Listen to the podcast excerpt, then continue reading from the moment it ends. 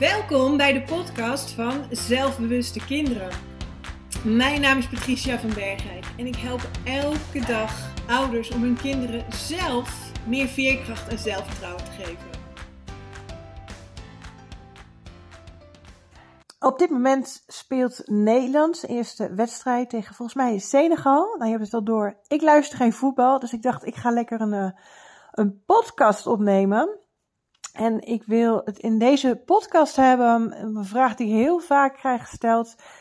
Ehm, hoe, ja, hoe ik er bij gekomen ben om ehm, eh, kinderen ehm, te helpen om van die faalangst en uh, af te komen en dat ze meer zelfvertrouwen en veerkracht krijgen. Of dat, dat mijn zoon hier last van heeft. Uh, ja, hoe, hoe kom ik hierbij? Nou, um, het is eigenlijk heel erg simpel, of, of ook weer niet. Ik heb hier zelf vroeger heel erg mee geworsteld. Weet je, ik was zelf, weet je, ik durfde me niet zelf niet te laten zien. Um, ik stak, durfde mijn vinger niet op te steken. Um, zelfs de juffrouw op de basisschool die dacht uh, uh, dat ik doofstom was, omdat ik nooit wat zei. Maar dat alles te maken met, zij was een onwijs extrovert. Dus felle kleuren, uh, glimmende kleren, uh, harde stem, of uh, volop bewegingen. En ik klapte daar als klein meisje helemaal van in elkaar, omdat ik dus echt het tegenovergestelde ben, of tegenovergestelde. Uh, ik, ik ben, dus ik ben niet diegene die me op die manier mezelf uitdrukt eigenlijk. Hè? Ik ben echt een introverte. Dus ik zei ook niks, durfde haar niet aan te kijken. Uh, nou, ik was dus niet doofstom. Ik vond het gewoon allemaal heel erg spannend. Uh. Of een, een spreekbeurt geven. Nou, daar lag ik, um, lag ik dan echt weken wakker van. Hè? Dat ik die spreekbeurt moest geven. Dan had ik allerlei scenario's in mijn hoofd. Wat er allemaal wel niet mis zou kunnen gaan dat iedereen me zo uitlachen. Dus ik had het heel groot, maakte ik het allemaal. Nou, ik heb dus niet geleerd vroeger om over emoties te praten. Ik sprak er ook niet over. Dus ik deelde er eigenlijk gewoon um, zelf mee. En het was een enorme struggeling. Um. En eigenlijk heb ik altijd daar wel mee blijven worstelen. Ook al toen ik dus uh, uh, uh, toen ik groot was eigenlijk. Of ben ik nou al groot, maar toen mijn carrière begon. Um, moest je presentaties, moest ik presentaties geven. Ik zat in, in de. En vond ik het altijd heel erg spannend. Of jezelf te laten zien, je zichtbaar maken. Of jezelf gewoon die schouderklopjes geven. Kijk eens wat ik heb gedaan. Dat deed ik gewoon niet. Ik dacht gewoon, ik doe mijn werk gewoon heel erg goed. En ik blijf een beetje op die achtergrond. Uh. Maar dan was ik wel gefrustreerd als iemand anders veel sneller en veel harder zou gaan. Of wel de credit kreeg eigenlijk voor hetzelfde werk wat ik ook deed wel de erkenning eigenlijk. Um, en dan bepaalde functies kreeg die ik dan niet kreeg, um, omdat ik maar mijn mond hield. Ik was maar zo bescheiden. Ik deed mezelf niet, uh, ik liet mezelf eigenlijk niet zien. Uh, dat had dus allemaal te maken met mijn onzekerheid. Um. Zo heb ik echt jarenlang mee geworsteld. Uh, en, en eigenlijk was ik me er ook al die jaren er niet zo bewust van. Ik dacht gewoon, ja, dit is wie ik ben. Het, het, het is niet anders. Hè? Ik ben degene die altijd op de achtergrond heel erg goed is. Die alles goed regelt voor iedereen. Die, die zorgzaam is. Ook wel de pleaser, dat iedereen het naar zijn zin heeft. Dat het met iedereen goed gaat. Heeft allemaal uh, stukjes... Uh, uh, wat ik gewoon dacht, dat zit in mijn DNA. Zo, dat is gewoon aangeboren. Nou, totdat ik uh, per toeval hoorde ik iets, hoorde ik een podcast dat ik te luisteren. Ik luister zelf dus heel erg graag naar podcasts. Dat is ook een van de redenen waarom ik zelf zo graag een podcast wilde. Maar ik hoorde een podcast en daar hadden, hadden ze het over een um, ene Tony Robbins en over een peak state. Ik denk, waar hebben ze het over? Maar het vond, ik vond het wel een fascinerend onderwerp. En er was blijkbaar een serie op Netflix um, over die uh, Tony Robbins. I'm not your guru. Dus ik heb hem gekeken. En ik zat hem te kijken.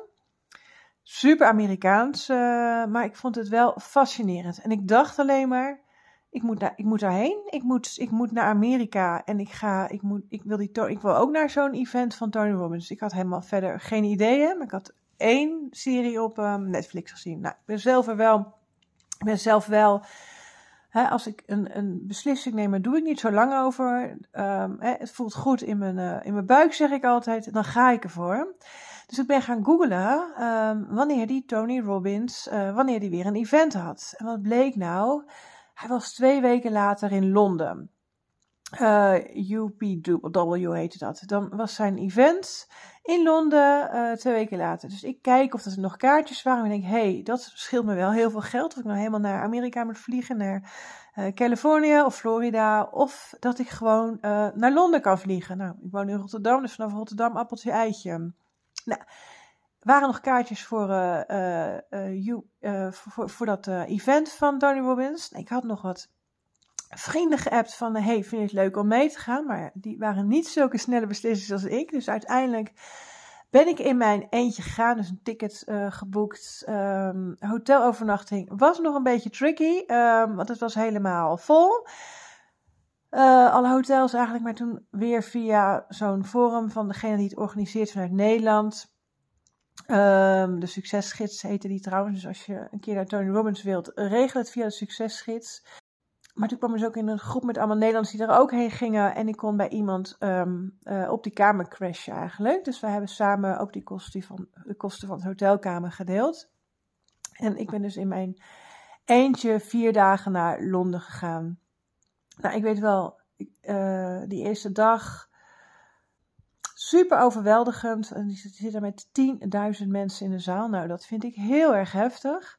En ik had eigenlijk niet ingelezen, geen idee wat ik, uh, wat ik moest verwachten. En nu bedenk ik me, ga ik maar heel uitgebreid over, um, en nu ga ik heel uitgebreid allemaal over Tony Robbins vertellen, bedenk ik me nu. Maar eigenlijk komt het erop neer dat ik daar op dag 2 of dag 3, of misschien was het dag 1 al, weet ik niet meer precies. Maar toen dacht ik alleen maar, jeetje, wat heb ik het mezelf al die jaren enorm moeilijk gemaakt. Um, het hoeft allemaal niet zo te zijn. Uh, dit zit niet in mijn DNA. Nou, dan krijg natuurlijk ook allemaal oefeningen hè, om, dat, um, uh, om daar eigenlijk afscheid van te nemen en hoe je dat uh, kan veranderen.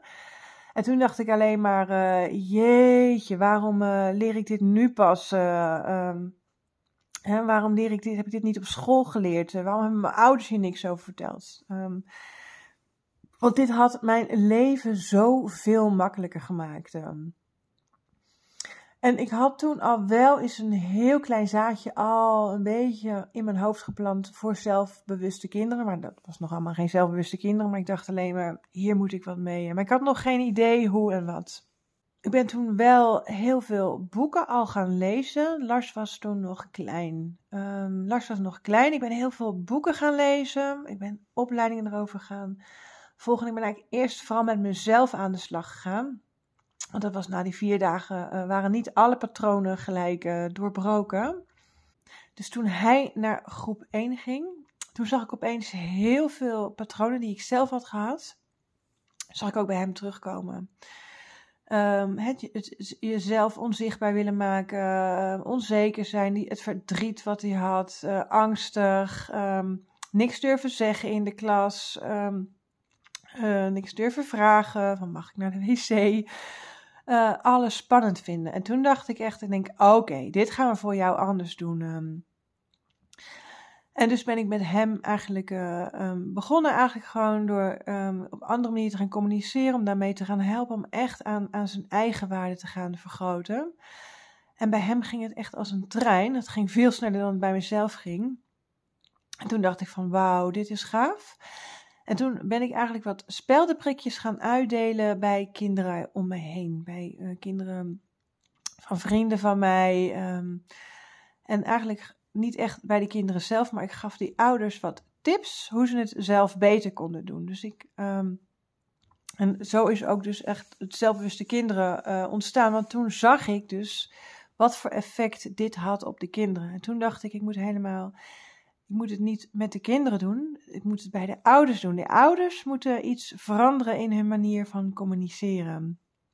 Um, dus zo is er ook zelfbewuste kinderen ontstaan, want ik coach dus niet die kinderen. Ik help die ouders om hun eigen uh, gedrag, hun eigen uh, woorden, hun eigen communicatie te snappen. Zodat ze het ook op de juiste manier wel bij hun kinderen kunnen doen. En dat je op die manier um, het gedrag bij je eigen kind kan veranderen. En als ik dit direct aan kinderen zou leren, dan snapt dat kind het misschien een paar weken, maar na een paar maanden zijn ze het toch weer vergeten. En daarom is het zo belangrijk dat ouders dit weten, zodat je als ouder zelf weet op welke knoppen je moet uh, drukken of draaien. Um, en je bent toch als ouder hè, die, die coach langs de zijlijn. Dus het is zo belangrijk dat jij dan weet wat jij moet doen als jouw kind een deuk in zijn zelfvertrouwen oploopt.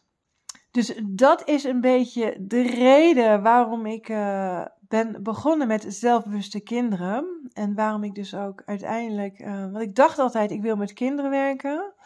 Maar ik ben er dus achter gekomen dat ik het meeste effect boek um, en de grootste resultaten behaal door middel van de ouders. En dat is de reden dat ik de ouders leer um, hoe ze al die technieken, al die instrumenten, hoe ze die moeten gebruiken en hoe ze dit aan hun kinderen moeten leren. Weet je, op scholen wordt hier nog helemaal geen aandacht aan gegeven. Helaas nog niet. Ik zie wel op steeds meer scholen dat, dat er iets van bewustwording van zijn. Maar het is ook zo belangrijk um, dat ouders hier ook, uh, ook thuis mee verder doorgaan. Weet je, het, het grootbrengen van een kind gebeurt niet door één persoon. Hè. Het, is, niet voor niks het, spreekwoord dat het door een heel dorp gebeurt. Dus dat is inclusief de samenwerking met ouders en school. Um, en als jij als ouder, er zijn ook ouders die met mij samenwerken, en, en dan dat de school um, toch nog op die andere manier nog met die kinderen omgaat. Dus dat, dat ze dus weer daardoor de, die faalangst weer um, uh, vergroten is het ook zo belangrijk om dan het gesprek met die docent aan te gaan um, en eens uit te leggen van hoe jij dit doet en hoe dit, waarom dit bij jou zo goed werkt en of ze ook eens die aanpak willen proberen. En eigenlijk heb ik nog nooit meegemaakt dat de docent daar niet open voor staat. Dus ga dan ook het gesprek met die docent aan, met die leerkracht van jouw kind op school.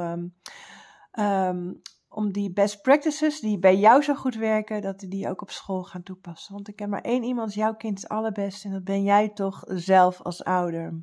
Ik vond het even heel leuk om dit verhaal met jou te delen. Dank je wel voor het luisteren en volgende keer uh, ga ik weer een hele praktische podcast opnemen.